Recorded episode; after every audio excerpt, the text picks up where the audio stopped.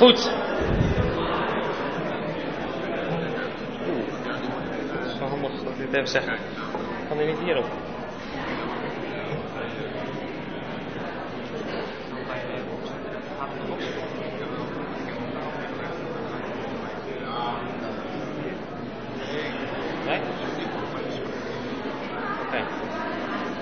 Goed, wij willen verder gaan met de bespreking. Maar voordat we dat doen is er eerst eh, tijd om wat met elkaar te zingen. En ik stel voor om te beginnen met lied 87. En als er daarna nog wat men, eh, broeders zijn die lied he- hebben, is daar nog ruimte voor.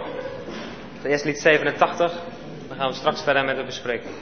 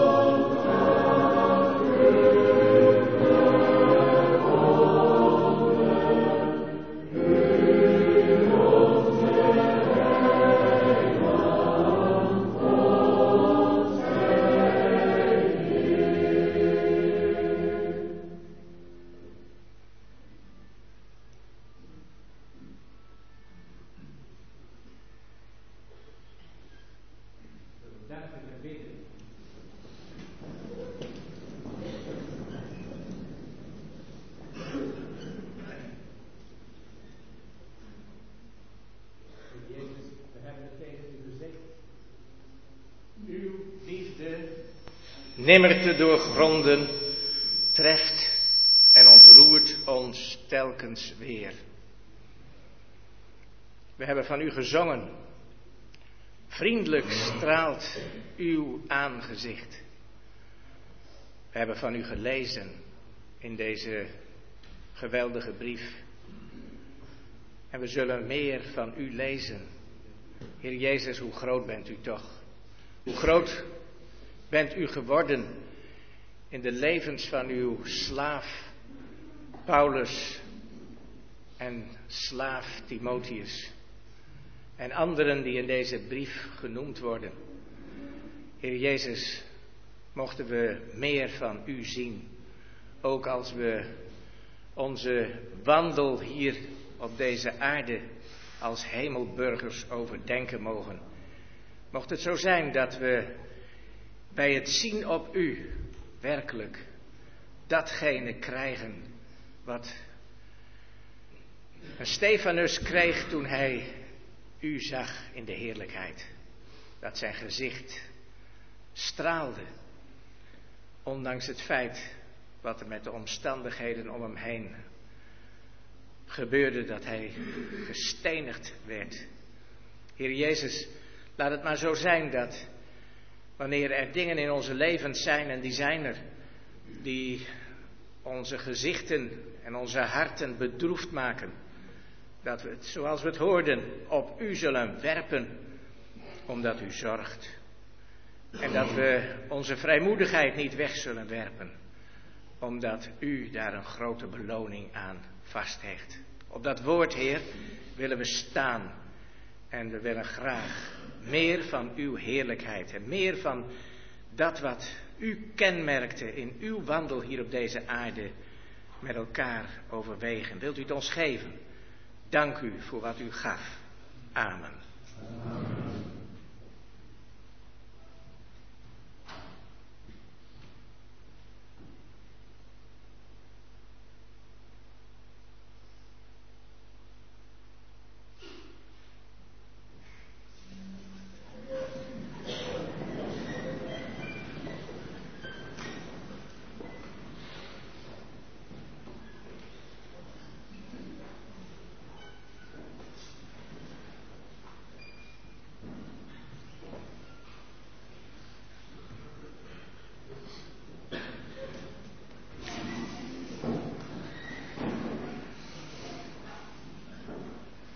We hebben nagedacht over, over slaven.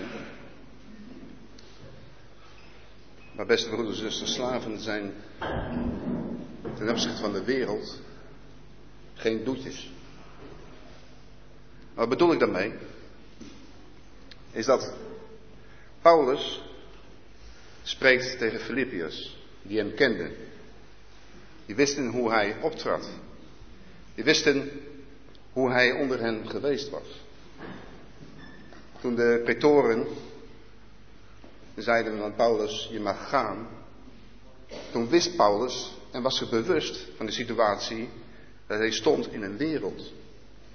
En dat hij slaaf was, maar wel een slaaf van Christus Jezus.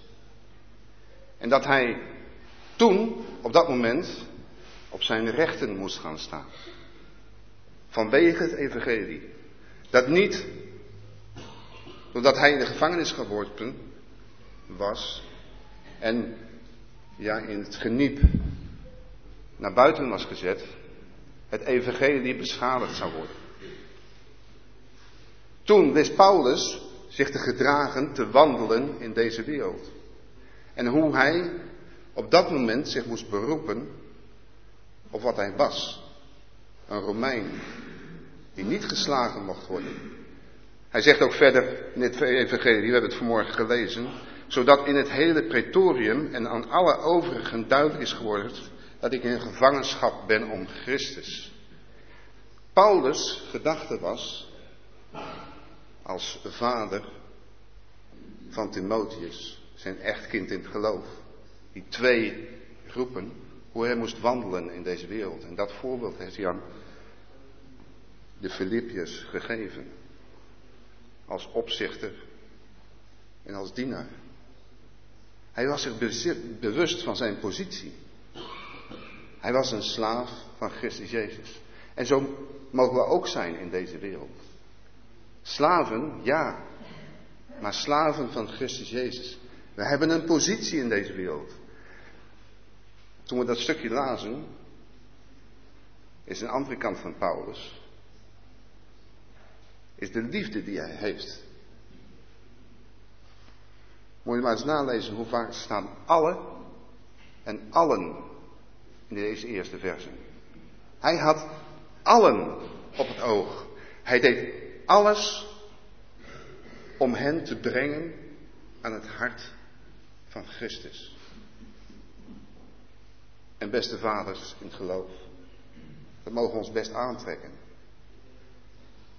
van Paulus. Ik denk dat het ook vandaag op ons afkomt. Om die liefde, we hebben het vanmorgen gelezen uit 1 Korinthe, in ons hart in te sluiten. Zusters, ook u heeft een voorbeeld te geven. Toen ik in de trein zat van de week, toen las ik het stukje over Filippi. En Lucas, in zijn evangelie, en ook in handelingen, haalt hij juist die zusters naar voren. En we hebben er vanmorgen ook over nagedacht. Dat op die gebedsplaats zusters zijn. Die Paulus, die Lucas op het oog heeft. En Lucas, is me opgevallen, hij schrijft in de wijvorm. Tot het moment dat Paulus de gevangenis in gaat. Dan stopt die wijvorm. Dan kan je afvragen, waarom is dat geweest? Waarom is die wijvorm toen weggevallen tot hoofdstuk 20, als ik me niet vergis? Ik denk dat Lucas daardoor Paulus is achtergelaten. Toen Paulus weg moest, na een kort verblijf, daar, en als het ware uit wegging, bleef Lucas achter. Heeft Lucas een opdracht gekregen? Ik weet het niet. Maar Paulus was begaan met deze Filippiërs. Hij had allen op het oog. Hebben wij ook allen op het oog? Paulus is een man ook, en dat kunnen we ook als aantrekken, die in geen enkele brief als deze zijn hart openlegt. Laat zien wat er in zijn hart is voor anderen. En ik hoor mezelf zeggen, dat is iets waar ik niet goed in ben. Om te laten zien wat er in mijn hart is. Tijdens de koffie sprak ik met iemand Dan denk ik van ja, toen ik jonge vader was, heb ik toen mijn hart laten zien aan mijn kinderen. Ik denk niet altijd. En ik denk dat het ook een waarschuwing is dat ik wel eens wat meer mijn hart heb kunnen laten zien. Koen? Oh, Koen is naar huis. Is met de kind naar huis. Maar dit is waar. Dat wij mannen wel eens druk met carrières kunnen zijn, met dingen wel bezig, bezig zijn, met het werk voor de Heer. Maar Paulus niet. Paulus laat de andere kant zien. Hoe hij gedenkt aan hen. Hoe hij met hen bezig is. Ook al is hij op verre afstand. Ook al zit hij in de gevangenis. Ook al is hij met andere dingen bezig. Ook al zit zijn hart vol met, met dingen van dit moment. Hoe die door voor het gerecht staat. Hoe hij in het leven staat op dit moment. En toch laat Paulus in deze brief, als in geen enkele andere brief, zijn hart weer zien. En dat kunnen we ons best wel eens aantrekken.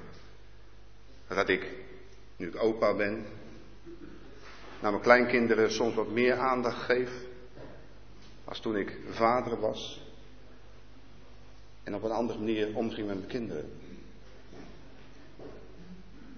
Ik denk dat we een les hebben in wat Paulus is.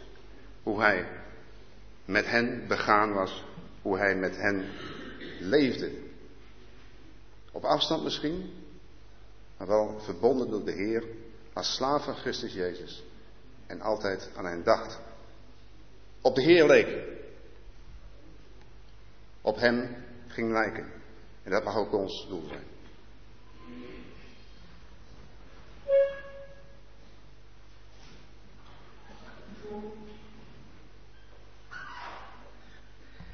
Het is een bijzondere genade dat God ons een brief geeft over ervaring. We hebben er al veel over gehoord. Maar niet over ervaring van een jonge broeder, van jonge zusters.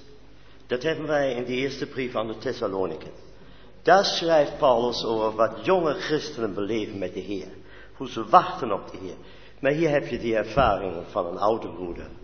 Zo stelde hij zich ook voor. Hij stelt zich niet als apostel voor. Want dan zullen wij alle zeggen, ja, maar dat is de ervaring van een apostel. Nee, dat kan ik nooit natrekken. Maar hij stelt zich zo voor, wat de titel is van hoogste adel voor ons. Als een slaaf van Jezus Christus. Het zijn de ervaringen van een oude broeder, die niet alleen gelukkige momenten heeft beleefd. Die een leven van lijden, van teleurstelling, van smat en pijn achter de rug heeft. Die ervaren moet dat alle het hun eigen zoeken, niet meer de dingen van de Heer. Die ervaren moeten zijn christenen, die hebben het, uh, de buik, hun buik meer lief dan anderen. Beleiders. Heel treurige situaties die daar waren. Maar toch kan hij zeggen, en dat vind ik zo eigenlijk de hoofdpunt van dit brief in Filippenzen 1 vers 22. Het is de moeite waard. Jonge mensen, en daar kun je die Timotheus naast plaatsen. Dat was een jonge broeder. Het is de moeite waard met de Heer te leven. Ook al moet je, net als Paulus, enorme lijden doorgaan. Als hij dat beschrijft in 1 Korinther hoofdstuk, uh, 2 Korinther hoofdstuk 12. Wat hij heeft doorgemaakt. Wat voor pijn heeft hij geleden.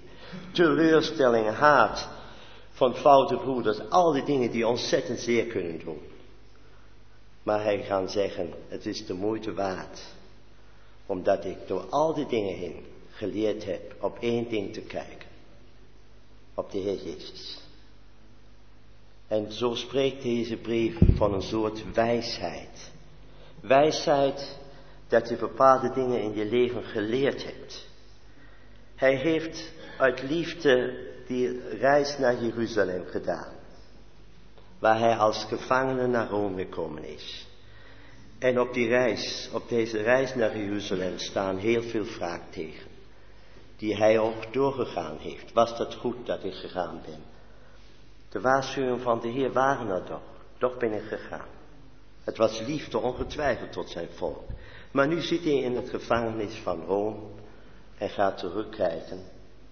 En dan kan hij begrijpen, De grote wijsheid van mij is een slaaf van Christus te zijn.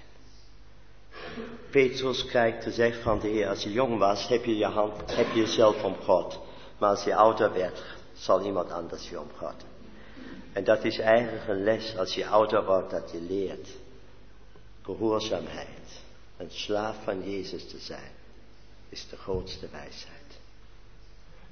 Het tweede is dat hij schrijft aan de heiligen in Filippi. Hij schrijft niet aan de gemeente. Het gaat om persoonlijke ervaringen. Iedereen heeft zijn eigen geloofsleven. Beroepen als een heilige van God. Zet apart, uh, afgezonderd, afgescheiden. Met wat voor doel zijn wij dan geroepen? Is dat niet het heerlijkste doel dat wij mogen hebben? Dat wij geheiligd zijn. Om die eeuwige Zoon van God, die in de schoot van de Vader was, te kennen. En zijn liefde te begrijpen. Is dat niet het hoogste wat wij mogen bezitten? Daar zijn we voor beroepen. En een derde punt, het zijn de heiligen in Filippi. Ik denk dat er misschien al over gezegd wordt, maar het is heel raar. Filippi was een kolonie in Griekenland, een Romeinse kolonie. Dat betekent, in Griekenland leefden mensen net als in Rome. Omdat het een kolonie was, was de principes de maatstaven van hun leven naar Rome uit, uh, naar Rome. Ze leefden net als de Romeinen in Rome. En het is eigenlijk dat bijzondere, dat nu vandaag de Heilige Geest hier op aarde zo'n kolonie schept, waar mensen nu al zo wonen, zoals in de hemel zouden wonen. Nu al daarmee bezig zijn, wat in de hemel leeft. En daar hebben wij die grote wijsheid van een Caleb, van een Joshua. Die gingen door de woestijn, maar wat hadden ze in hun hart? Ze hebben wat gezien in dat land Canaan waar, waar, ze naartoe gingen. Die schat, die bezaten ze in hun harten. En dat dreef ze naar voren in toewijding voor de Heer. Al die 40 jaar door te gaan. Zodat als ze dan eindelijk in het land zijn, dan kan Caleb zeggen tot Jozef, geef mij Hebron. Een oude man, boven de 80. In die kracht zegt hij, geef mij Hebron, dat is gemeenschap. Hij leefde in de woestijn, toch met zijn hart in de hemel. En dat is Filipijns. Hier in de woestijn, met het hart in de hemel leven. Wat telt in de hemel? Mijn dienst voor de Heer interesseert niemand meer. Daar krijgen we een salaris voor, ja. Dat telt niet wie ik ben, dat telt niet wie jou bent. In de hemel telt alleen één persoon. Deze deemoedige man, die zichzelf tot niets heeft gemaakt die een gedaante van een slaaf heeft aangenomen, om jou en mij in die diepte te bereiken. Die nu in de hoogste heerlijkheid is, boven alle hemel, deze persoon. En dat is die les of die grote ervaring van ons leven. Als je het einde van de prediker leest, dan schrijft die Salomo, de woorden van de prediker zijn nagels ingeslaan, gegeven van een herder je hebt als je jong bent bepaalde nagels. Nagel dat je zegt, ik wil voor de Heer leven. Tweede nagel, ik wil de Heer dienen. Maar de laatste nagel die ingeslaan wordt, het gaat daar alles niet om. Het gaat om Jezus van Nazareth. Die moet ik hebben. Die de hemel uitvult. Die het hart van de Vader vervult. Die zou jij en mijn hart vullen. En als je dat voor je open heeft, dan kun je zingen zoals het hier in het derde vers begint. Hij kan in die situatie van de gevangenis, kan hij danken. Ik denk daar aan David, het eerste wat van hem genoemd wordt in uh, 1 Samuel 16 geloof ik is het, dat die, die knecht zegt, hij kan spelen. Hij kan op die sitar, hij kan muziek maken. En dat is het mooie. De Heer kan uit een kapot leven zoals ik het heb, kan die een lied uitmaken. Een harmonie die volmaakt is. En daarvan straalt deze brief. Van die situatie in Rome, waar deze Paulus zit, kan hij zeggen, ik dank. Hij kan verder zeggen, Ik wil dat u weet, broeders, dat deze situatie toch ten goede heeft bereikt. Ook al ben ik nu in een gevangenis, maar het evangelie komt overal naartoe. En voor mij heeft het ook een diepe les gehad. Het heeft mij tot redding. Dat komt in het laatste hoofdstuk van dit geleerde. Ik heb geleerd de zwaarpunten goed te zetten. Want hij zegt, ik was in gevaar foute zwaarpunten te hebben. Maar nu gaat het daarom dat Christus voor mij te leven is Christus. En dat is de moeite waard.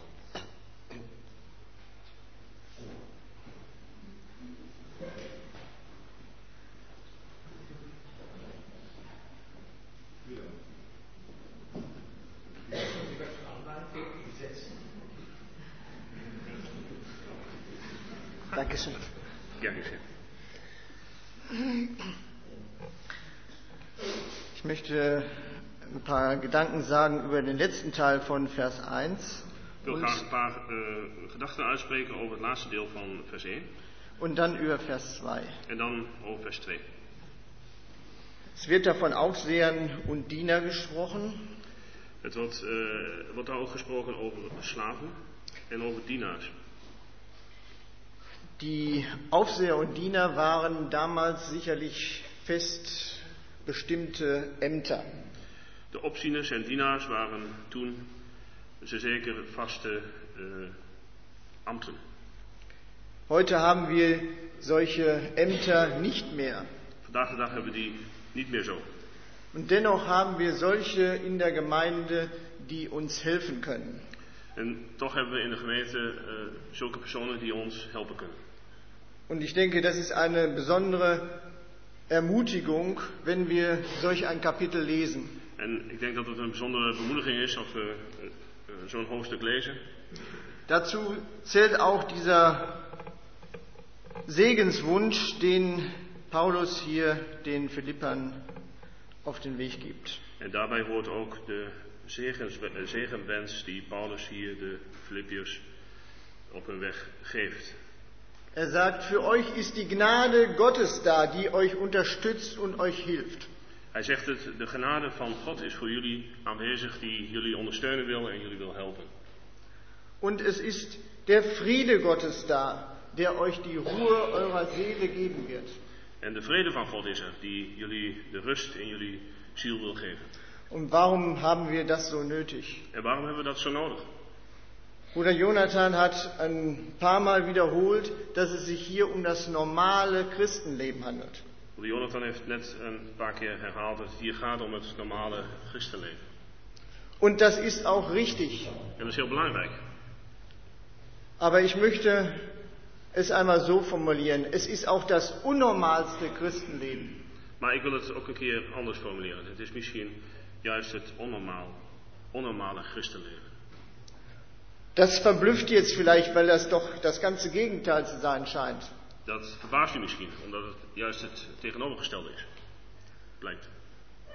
Und doch, im Deutschen zumindest hat das Wort normal eine Doppelbedeutung.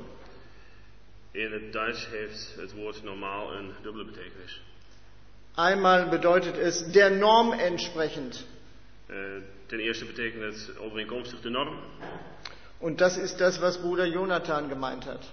En dat is dat wat broeder Jonathan bedoeld heeft. Die andere Bedeutung ist, es ist das Gewöhnliche, das, was wir kennen, das, was üblich ist.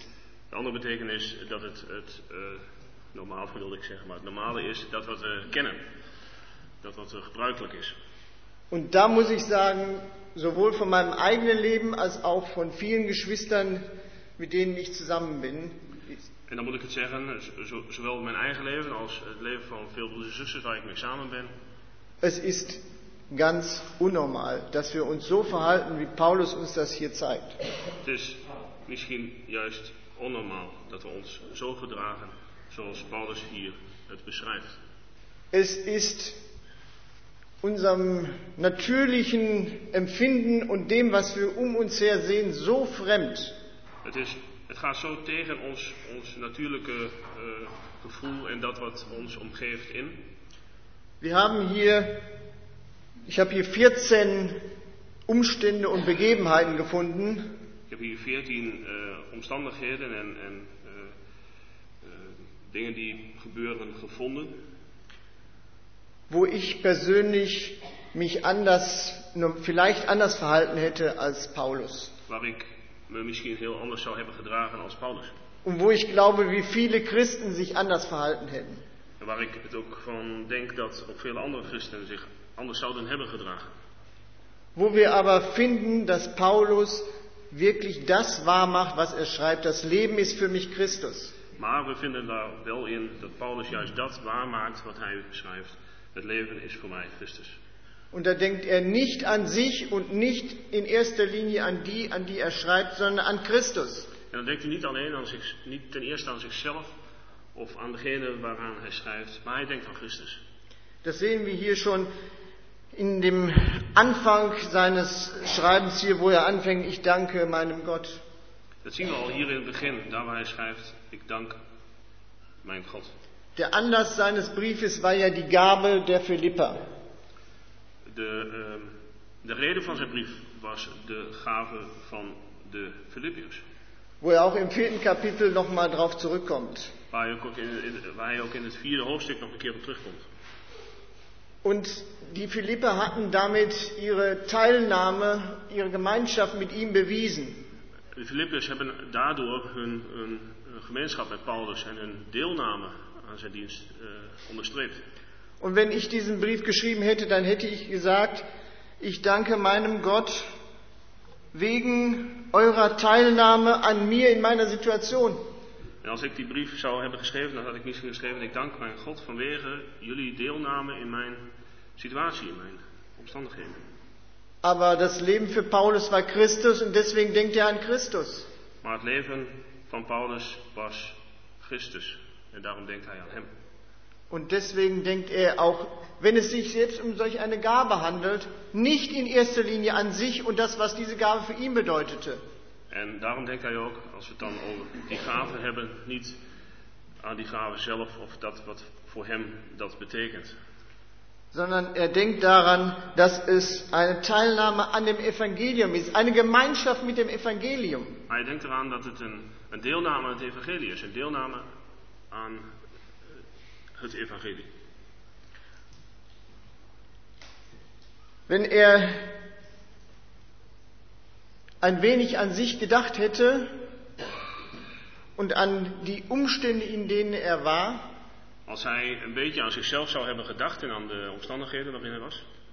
er war ja schließlich im Gefängnis, Hij was tenslotte in, in de gevangenis. dann hatte er sicherlich viele Bedürfnisse.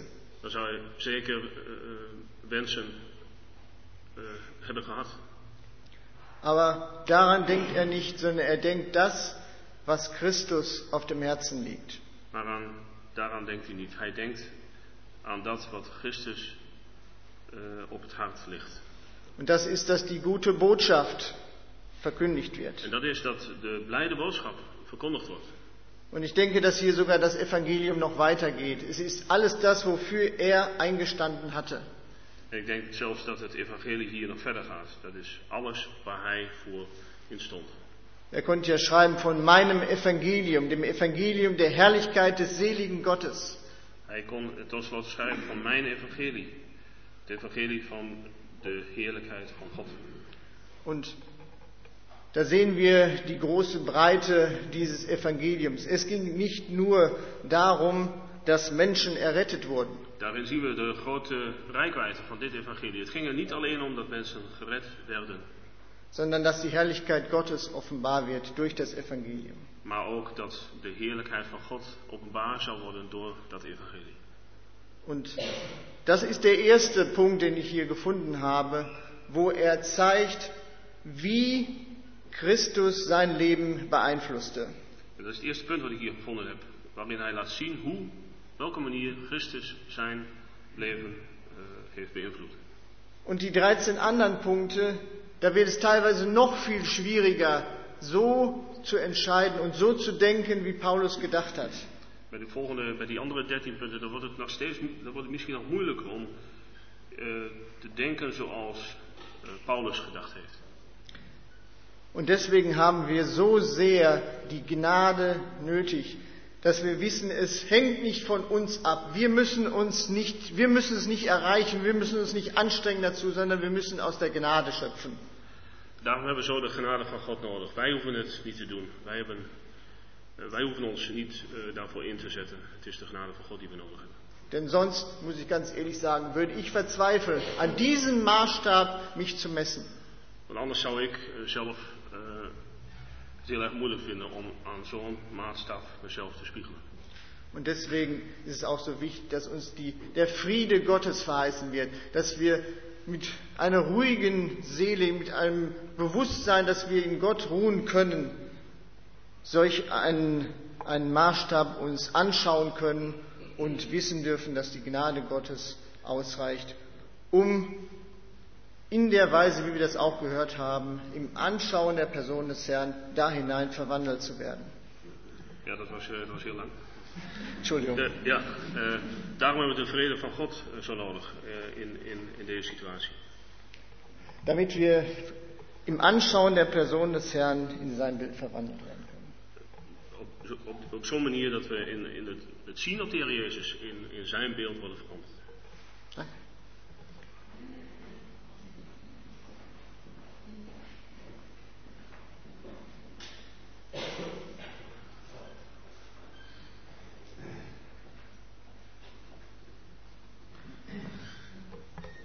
We zien in dit gedeelte eigenlijk iets heel moois.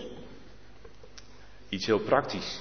Als we kijken naar Paulus, was Paulus iemand, en als we kijken in eh, Handelingen 16, en dat heeft u vast ook allemaal gelezen, wat eigenlijk de oorzaak was dat Paulus überhaupt in Filippi wa- kwam. Het begon met heel veel problemen. Maar waren dat problemen? Wat voor problemen waren dat? In de eerste plaats was het al zo dat hij eh, geconfronteerd werd, en misschien is het goed om dat te lezen in Handelingen 16.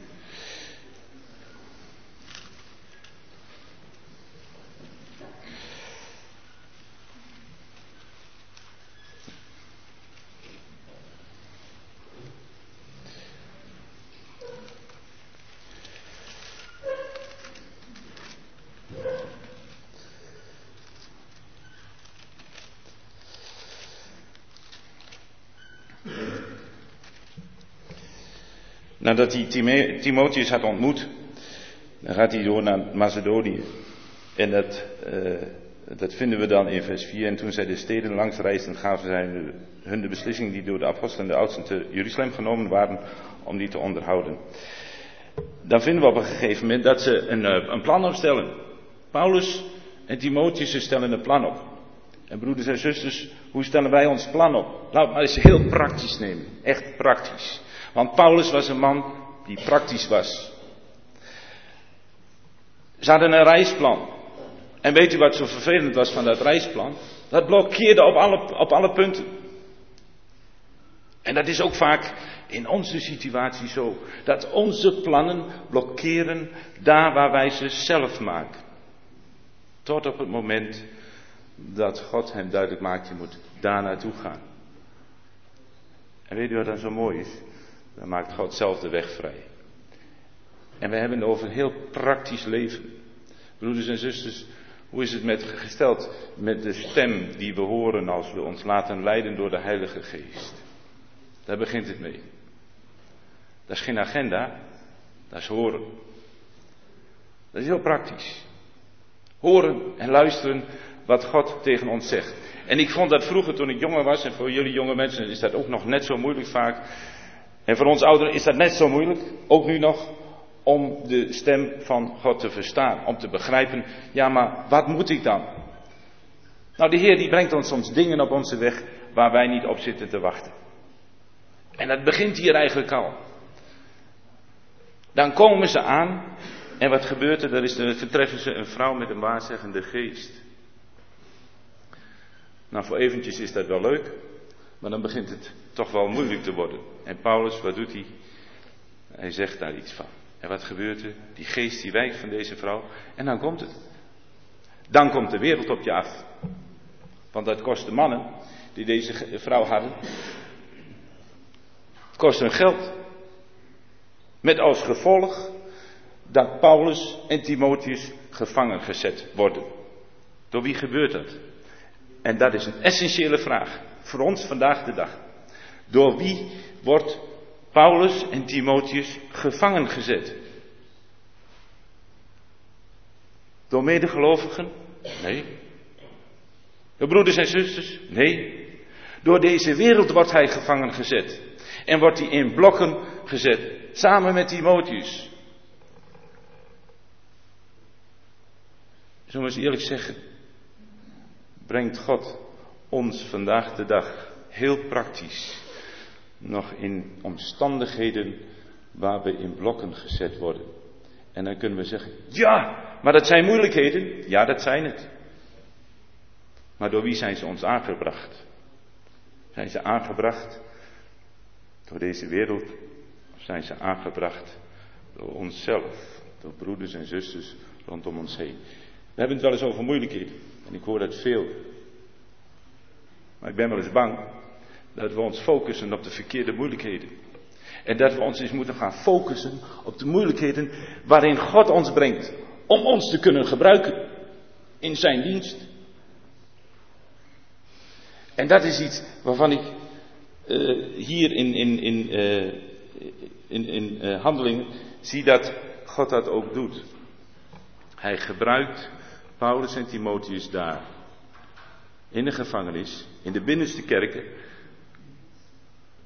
In blokken. En wat gebeurt er dan? Dan wordt er gezongen. Dat is het resultaat. Dan wordt er gezongen. En er wordt gebeden.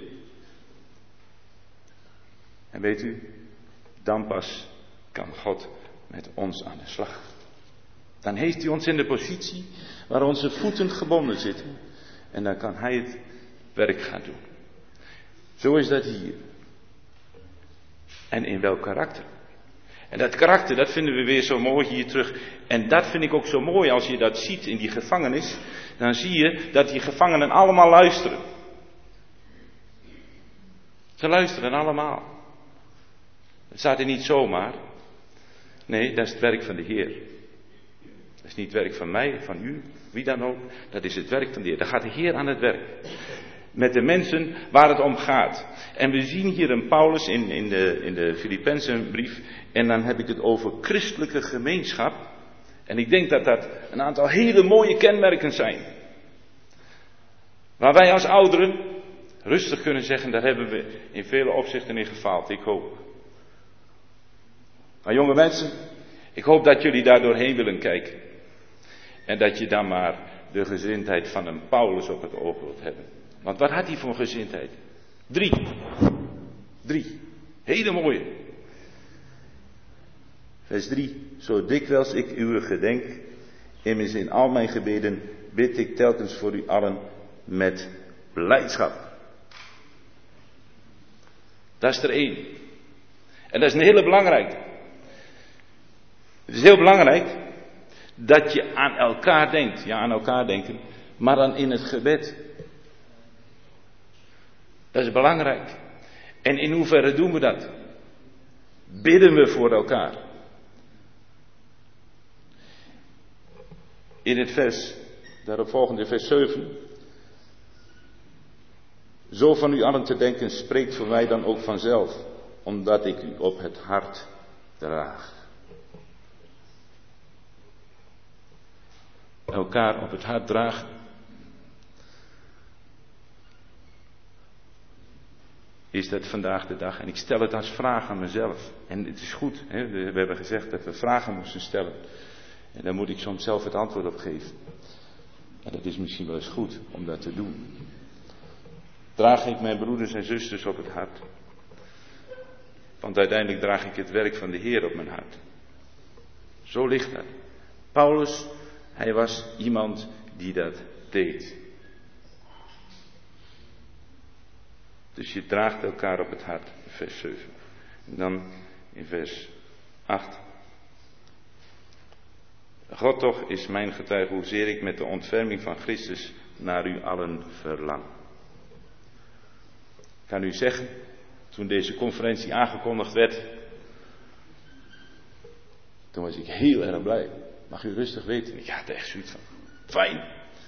Na heel lange tijd weer eens een conferentie met elkaar als broeders en zusters hier samen te zijn. En met elkaar bezig zijn met het woord van God. En het onderwerp was dan ook nog eens een keer heel erg, heel erg mooi. En het is zo belangrijk dat we de persoon van de Heer Jezus met elkaar gaan delen. En dat we misschien van onze ervaringen spreken als de Heer ons in de blokken zet. En tot de ontdekking komen van ja, en toen hebben we gezongen. En we hebben gebeden. Want dat bemoedigt elkaar. En dat je die ervaringen met elkaar uitwisselt. Want het is zo belangrijk om de persoon van de Heer Jezus voor ogen te houden. Ik kan me voorstellen, broeders en zusters, dat we het soms wel eens moeilijk hebben. Maar waar leggen we de focus op? Paulus, hij legde de focus niet op de omstandigheden. Ja, hij zag wat er gebeurde in die gevangenis. En dat God hem daar een weg opent, een deur opent, doordat hij gaat zingen en bidden. En de rest gebeurt daarna. Ik denk dat het goed is dat we die focus niet uit het oog verliezen. Dat is heel belangrijk. Want waar gaat het om? Om het werk van de Heer Jezus. En daar hebben we al over gehoord. En als we zien hoe de focus van de Heer Jezus gericht was op het verlorene, dan hoop ik dat onze omstandigheden die zijn, dat God ons in ketenen boeit, zodat we van Hem kunnen getuigen.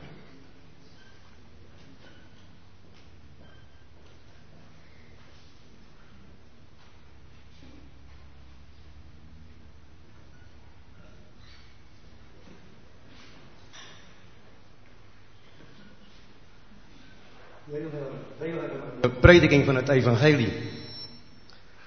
Dat kan op een heleboel verschillende manieren kan je dat doen. Ik denk hier kunnen we ook weer heel veel leren hoe dat daar begonnen is. We hebben al verschillende keer nagedacht over handelingen 16. En dan zien we dat daar Lydia was. Wat doet ze? Ze hoort Paulus spreken over een hele bijzondere God. Die zij vereerde. Hier in deze brief gaat het over God, over de Heer Jezus. En wel 49 keer, 7 maal 7, wordt de naam van God genoemd in verschillende hoedanigheden. Als had er nooit gehoord van die Heer Jezus, wie Hij was. Ze had er nooit gehoord dat eenmaal alle knie zich zal buigen voor Hem, zoals we lezen in hoofdstuk 2. Dat zou gaan gebeuren. Maar ze wilde er meer van weten. En ze had een geloof gevestigd op Hem, God. En toen zegt ze, als je denkt, als je vindt dat ik trouw ben, kom dan in mijn huis. Deel hebben aan de prediking van het evangelie. Waar begint dat? Het begint in je huis. Daar met anderen spreken of je laten onderwijzen over wie God is en wie Hij voor jou wil zijn. Petrus of Paulus die zat nu in Rome. In Filippi zat hij in een gevangenis van licht beroofd. Hij in die onderste kelder. Maar hier, uh, waar de situatie was anders.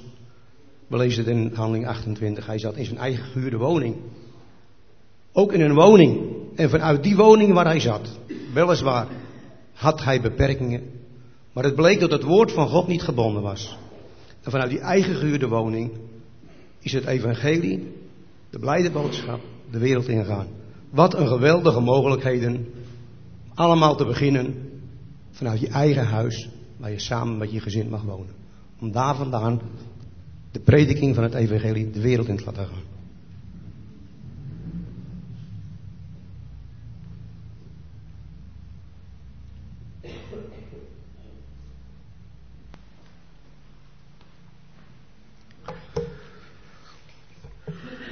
Steeds de indruk dat we met de inleiding bezig zijn. En we hebben al veel mooie dingen gehoord van de Heer Jezus. We hebben gedacht dat het het normale christelijk leven was. Een andere broeder zei van, nou, het, eigenlijk lijkt het meer iets abnormaals als je zo leeft zoals Paulus dat zegt. Ik heb me eens afgevraagd waarom Paulus in het eind van vers 1 specifiek noemt met de opzieners en diaken en dienaars. Hij had, bij wijze van spreken, het gewoon erbij kunnen laten natuurlijk, dat hij zei van aan alle heiligen in Filippi. Maar hij noemt specifiek ook deze opzieners en dienaars.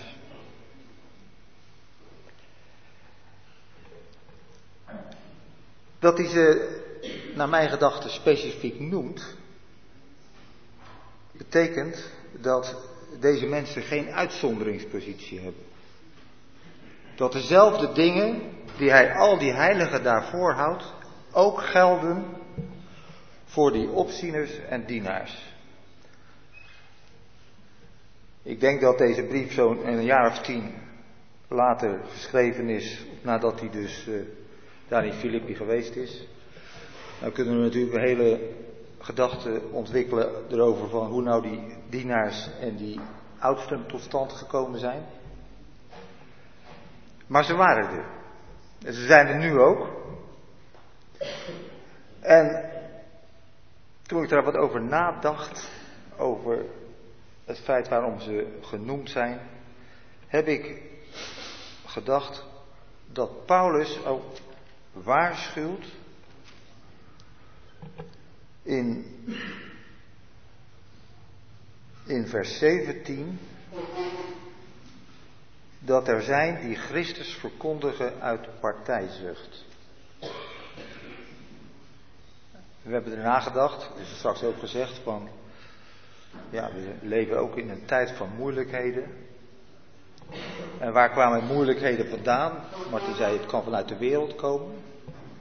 Dat is denk ik een normale situatie. Maar het kan ook onder ons komen. Dat wij het zijn die moeilijkheden naar voren brengen. En die dan te maken hebben met partijzucht. En de praktijk, het is een ervaringsgebeuren denk ik ook, is denk ik toch wel zo dat specifiek oudsten en dienaars vaak mensen zijn die oorzaak zijn van partijschappen. Of dat mensen achter mensen aanlopen en daardoor ook dat evangelie, wat Paulus zo op zijn hart heeft, ook voor hem nog weer moeilijk maken. Maar dat we ons allemaal goed moeten beseffen, ieder die ook een taak heeft binnen zijn eigen gemeente, waarvan hij denkt dat hij ook een verantwoordelijke taak heeft, dat dezelfde dingen die hier aan al de heiligen voorgehouden worden, ook voor hen gelden. En deze mensen, wij in het algemeen, hebben alleen tot doel, zoals het in Petrus staat, om de kudde te voeden en te leiden. Echt te dienen. En ik denk dat Paulus ook in heel zijn brief, in de gezindheid die hij ons voorhoudt, hij schrijft aan de heiligen, hij schrijft niet aan slaven, maar hij stelt het wel zo voor, van als je de gezindheid hebt van de Heer Jezus, dan ben je net als hem. En dat is denk ik ook het doel, mede waarom Paulus hier niet alleen aan heiligen schrijft, maar ook de opzieners en dienaars daarbij benoemt.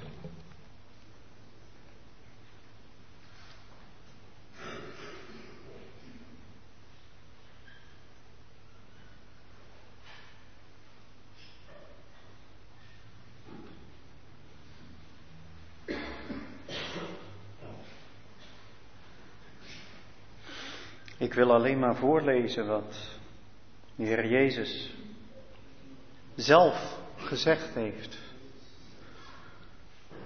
over deze dingen. In Johannes 13 we hebben vanmorgen gesproken over het woord slaaf. En een slaaf heeft een meester. En hij zegt in vers 13, U noemt mij meester en heer. En u zegt het terecht, want ik ben het. Als ik dan, de Heere en de Meester, uw voeten gewassen heb, moet ook u elkaars voeten wassen. Want ik heb een voorbeeld gegeven, opdat ook u zult doen zoals ik voor u heb gedaan. Voorwaar, voorwaar, ik zeg u, een slaaf is niet meer dan zijn heer. En een gezant niet meer dan hij die hem gezonden heeft. Als u deze dingen weet, zalig bent u als u ze doet. En dan moest ik denken aan Johannes 15. We hebben vanmorgen erover nagedacht dat die brief van de Filippiërs zo vol staat met blijdschap. We hebben over Paulus nagedacht en wat hij geschreven heeft. Maar hier vinden we hoe de Heer Jezus zelf tot ons spreekt. Hoofdstuk 15 van het Evangelie van Johannes, vers 9.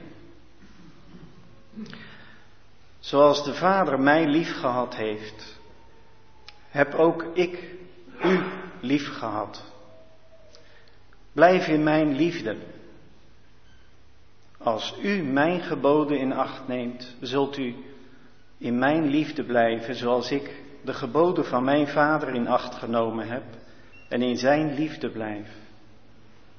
Deze dingen heb ik tot u gesproken, opdat mijn blijdschap in u zal blijven en uw blijdschap volkomen zal worden. Dit is mijn gebod, dat u elkaar lief hebt, zoals ik u lief gehad heb. Niemand heeft een grotere liefde dan deze, namelijk dat iemand zijn leven geeft voor zijn vrienden. Ik noem, u bent mijn vrienden als u doet wat ik u gebied. Ik noem u niet meer slaven, want een slaaf weet niet wat zijn Heer doet. Maar ik heb u vrienden genoemd, omdat ik u alles wat ik van mijn Vader gehoord heb, bekendgemaakt heb.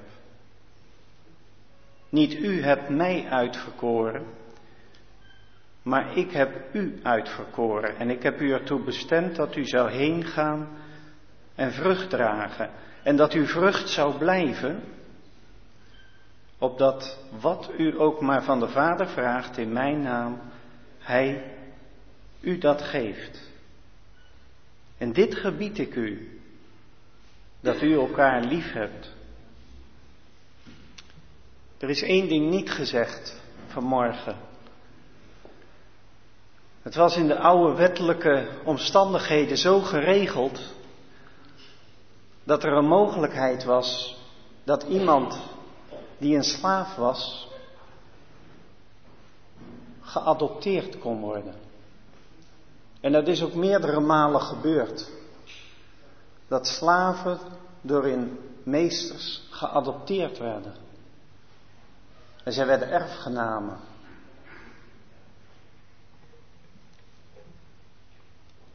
Is dat niet wat met ons gebeurd is? Ons die de Heer Jezus kennen als onze Heer en Meester. Ook wij zijn geadopteerd. En de adoptie, die laat zien dat de slaaf een kind is geworden. En dat hij dus de karaktertrekken van zijn vader laat zien.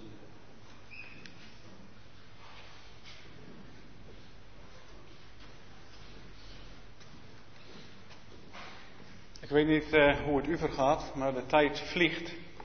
We zijn er weer gekomen aan de middagpauze. Uh, we willen graag eerst een lied uh, zingen. Dat is lied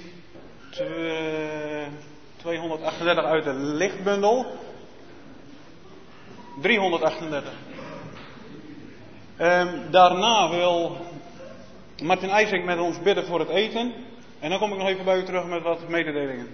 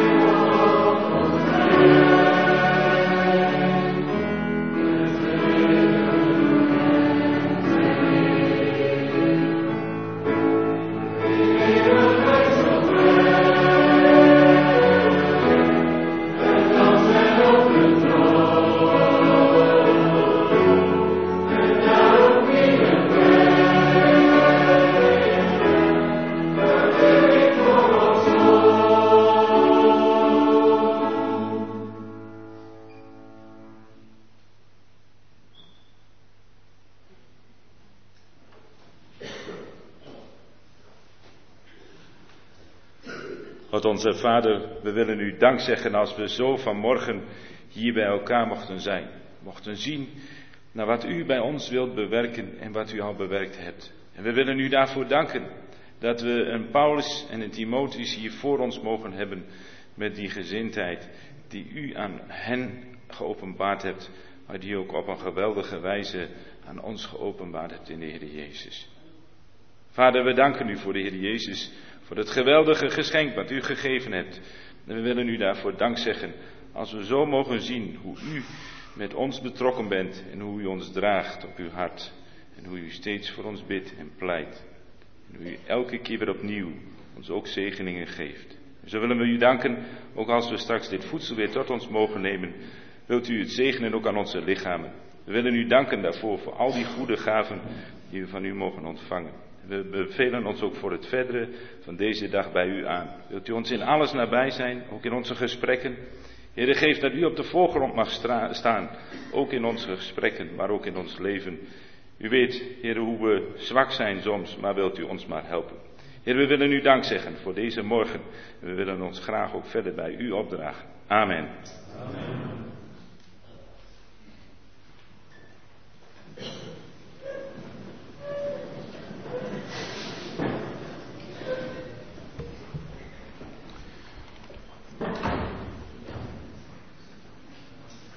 Als het goed is, staat het eten weer hier achter ons in de hal, in de garderobe.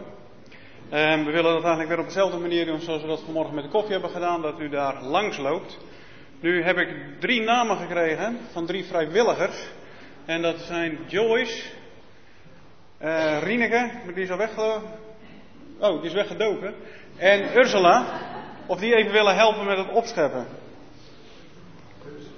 Als jullie alvast die kant op zouden wensen te gaan.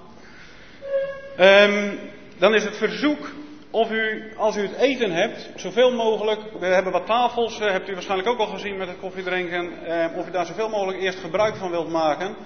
We zijn nogmaals super verrast met de opkomst. We hebben uh, eigenlijk niet op zoveel mensen gerekend. U krijgt allemaal eten. maar wilt u eerst, degene die straks als eerste hun bord vol hebben, gaan zitten om te eten, en kan de rest eventueel bij de staattafels of ook buiten het eten nuttigen. Wilt u dan ook weer uw gebruikte borden, uh, bestek weer terugbrengen bij de tafel in de hal, zodat het ook allemaal weer netjes uh, afgevoerd, afgewassen kan worden? Um, tussen de middag. We willen het programma ietsje omgooien. Het is super mooi weer buiten. En we willen eigenlijk in plaats van om twee uur, willen om half drie verder gaan met de die, bespreking. Dus in plaats van twee uur, half drie, wilt u dan wel proberen weer tegen die tijd ook te zitten op uw stoel. In de pauze is er gelegenheid om hier bij de piano te zingen. Uh, we hebben wat liederenboeken meegenomen. Er zijn ook wat Duitse liederenboeken. Dus ook voor de Duitse uh, mensen onder ons. Die kunnen daar ook uiteraard uh, mee meezingen. Ik weet niet of u muziekinstrumenten meegenomen hebt. Het mag allemaal uitgestald worden en gebruikt worden. Er is ook gelegenheid voor de sportievelingen onder ons om even een balletje te trappen. Ik weet niet of Clemens ondertussen gearriveerd is. Nou, die komt dan wel uh, naar boven drijven. Clemens gaat dat uh, wat verzorgen. Op de kaart kunt u zien, speelveld, uh, dat is speelveld in, daar kan gevoetbald worden, het was vermacht werden. We zitten bij punt A, dus het is hier de straat uitlopen, die kant op en dan ziet u eigenlijk het speelveld wel vanzelf. Mocht u verder nog willen wandelen, er is hier aan de overkant van de straat, is een winkelstraat, dus daar kunt u eventueel ook nog het nuttige misschien met het aangename verenigen. Degene die um, van de Duitse vertaling gebruik hebben gemaakt, ik weet niet of dit nog vertaald wordt. Um, wilt u alstublieft uw koptelefoons terugzetten in de bakken, zodat die opgeladen kunnen worden. Dat is uh, straks wel praktisch als u ook vanmiddag al wel gebruik van wilt maken. De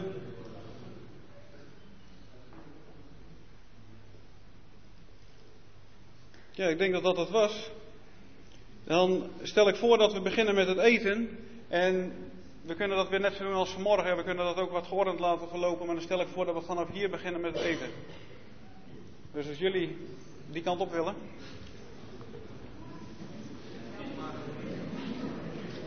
En smakelijk eten.